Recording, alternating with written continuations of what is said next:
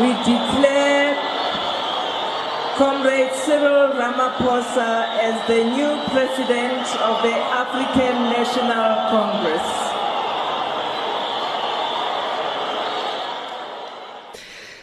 Dis nou 'n jaar gelede dat Cyril Ramaphosa onder groot gejuig tot ANC president verkies is. Dit is boonop die tyd van die jaar dat 'n mens bestek op name wil doen oor wat verby is. Isak, jy het gaan kyk hoe president Ramaphosa die afgelope jaar gevaar het. Hoe het hy gedoen? Dit hang af wie jy glo Susan. 'n Monitor het met verskeie mense hieroor gepraat, maar kom ons begin ons storie by 'n gebeurtenis so wat 'n maand gelede.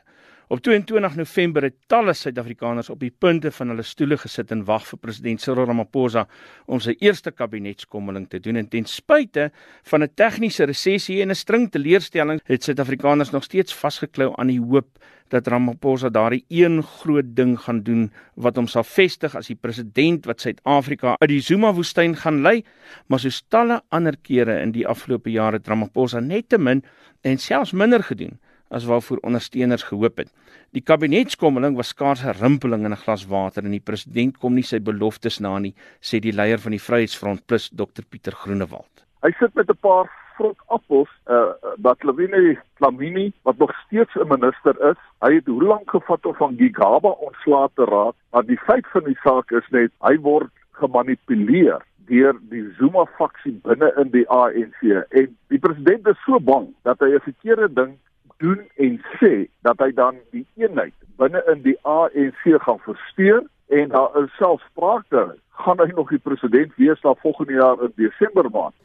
Goed, ek hoor wat Pieter sê, maar is dit dan nie 'n goeie ding dat die president nie wild en wakker begin om ministers af te dank en aan te stel soos oud-president Jacob Zuma nie? Volgens baie ontleeders is dit 'n goeie ding.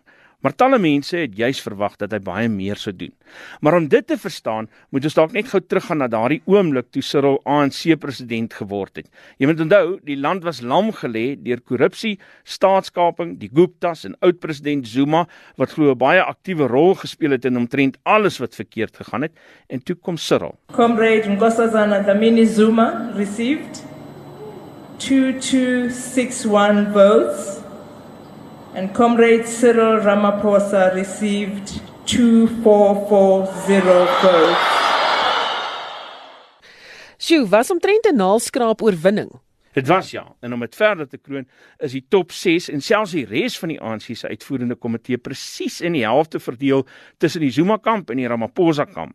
En as 'n mens dit verstaan, dan verstaan jy die dilemma waarmee die president van die begin afgesit het, sê Tim Du Plessis van kyk net. Die ANC het vir 'n slegte hand uitgedeel daar en hy moes daarmee speel. Daar was nogtans 'n euforie in die lug na 9 verlamde jare onder oud-president Zuma. Ja, en dit was nou behoorlik ramaforie, maar onderliggend aan die euforie was daar 'n klein onwelriekende klankie wat uit die ANC se 54ste nasionale verkiesingskonferensie gekom het. Die party het besluit om meer aktief vir grondonteiening sonder vergoeding te beywer. Hoewel die doemprofete hierop probeer hamer het, het Ramaphosa egter die oorhand gekry en dit was asof Suid-Afrikaners wou gehad het Cyril Ramaphosa moet sommer die volgende dag nog vir Jacob Zuma aan die pad steek en die president van die land word. Maar dit sou eers in Februarie vanjaar gebeur, iets wat Steven Grootes van SAFM as 'n positiewe wending beskou. Obviously, the first big step for President Cyril Ramaphosa to consolidate power was to remove former President Jacob Zuma.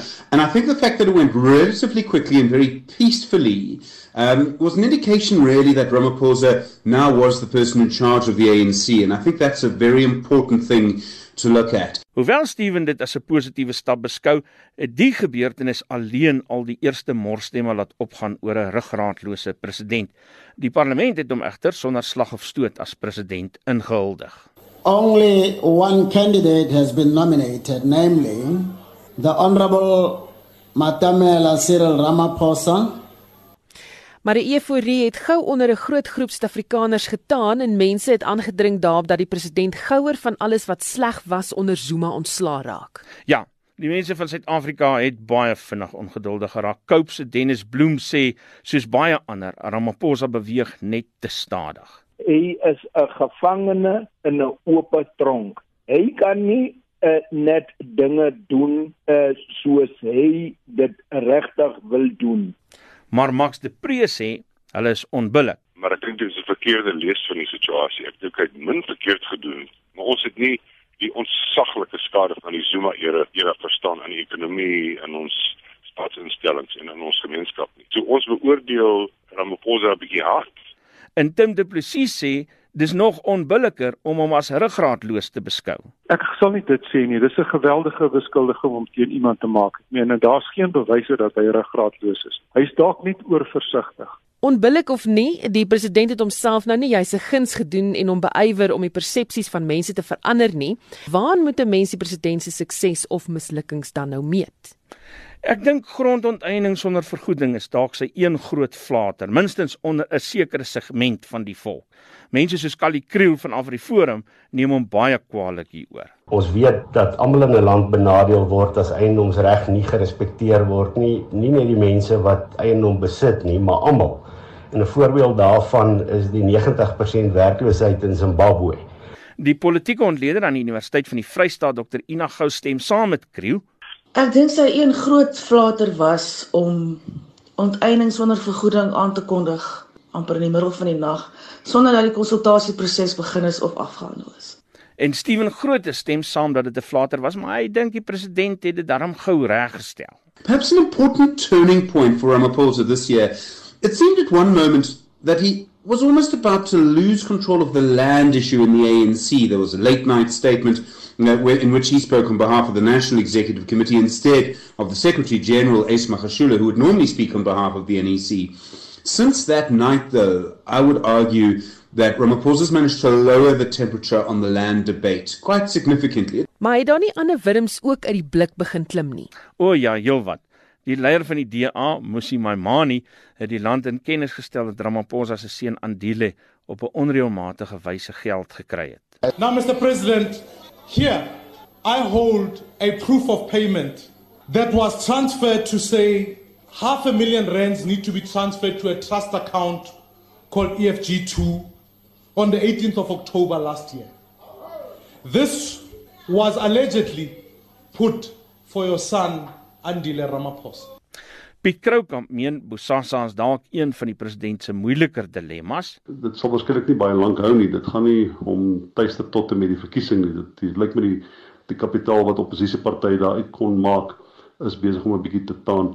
Maar dit moet verseker wees uh die naaste wat daar 'n vorm van korrupsie aan hom gekom het. Maar die president het alles ontken. If it turns out that there is any illegality and corruption, I will be the first, absolutely first, to make sure that he becomes accountable. I can assure you, even if it means that I'm the one who will take him to the police station. Maar dit was te laat want die honde het bloed geruik, nê? Nee.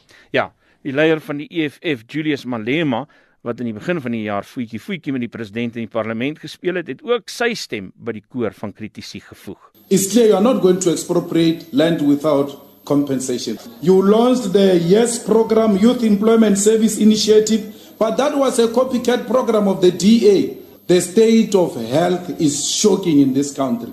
The cash in transit is uncontrollable. Why? Because you are weak, you are not firm, and criminals don't like weak people. Ons het aan die begin gesien dat 'n verdeelde ANC 'n baie klein meerderheid aan Ramaphosa gegee het. Hoe staan sake met die party op die oomblik? Daar's baie aanduidings dat die party nog diep verdeeld is en dit het 'n geweldige invloed op Ramaphosa se termyn as president, sê die parlementêre verslaggewer Jan Jan Joubert. Dis waarskynlik so dat hy taamlik ingekort word deur die feit dat sy meerderheid in sy eie party so klein is en dat die mense wat hom teenstaan eenvoudig nie weggaan of ophou nie. Hulle bly hom teenstaan en aggressief teenstaan.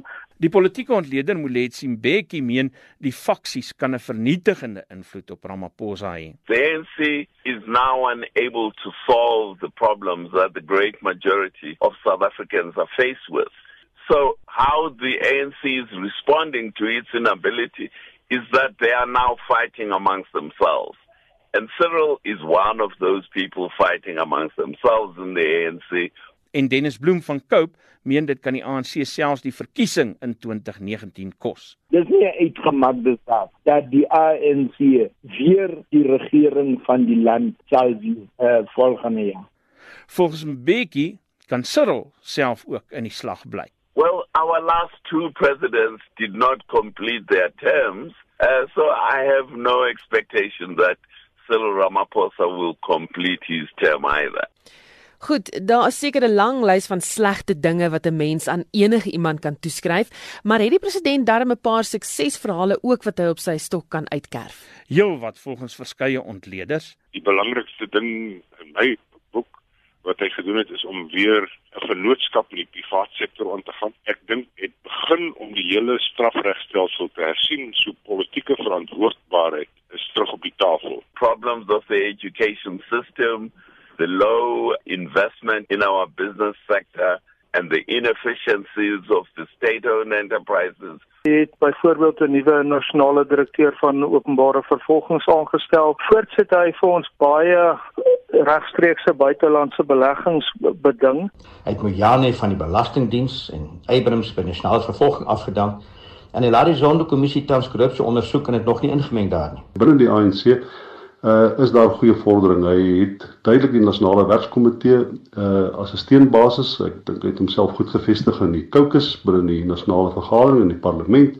En ek dink toenemend is die nasionale uitvoerende komitee ook besig om agter hom in te skuif. Jan de Lange van rapport meen ook Cyril druk sy stempel stewig af binne die party. Dink sy grootste gevaar in die ANC binnepolitiek was dat daar 'n blokvorming teen hom kan gekom het tussen die ou premiersliga provinsies maar hy het dit reg gekry dink ek om KwaZulu-Natal en Noordwester te neutraliseer.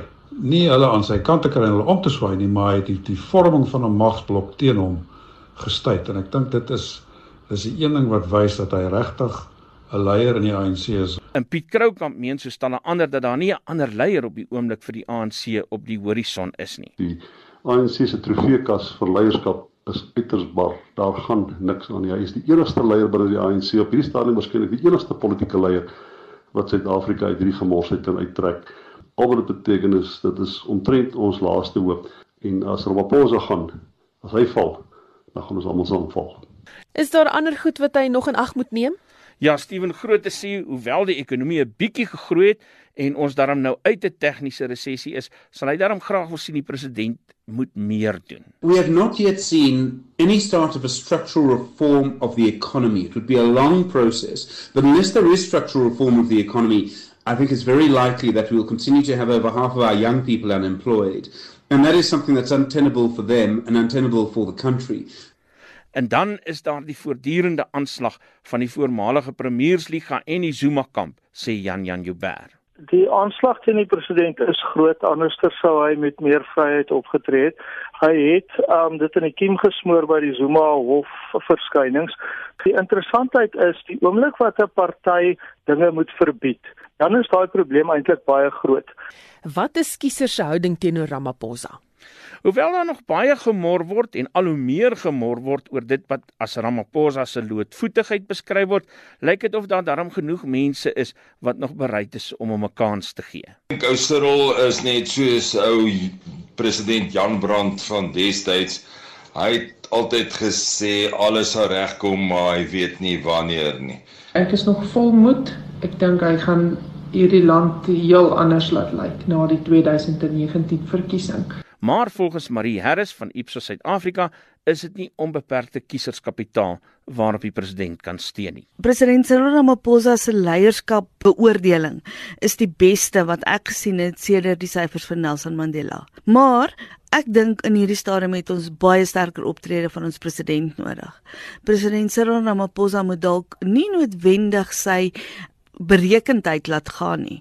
Maar hy moet definitief baie sterker optree in die volgende 5 maande om Suid-Afrikaners hoop te gee vir die toekoms. Dit was Marie Harris van Ipsos Suid-Afrika. Ek is Isak Du Plessis en ek is Susan Paxton.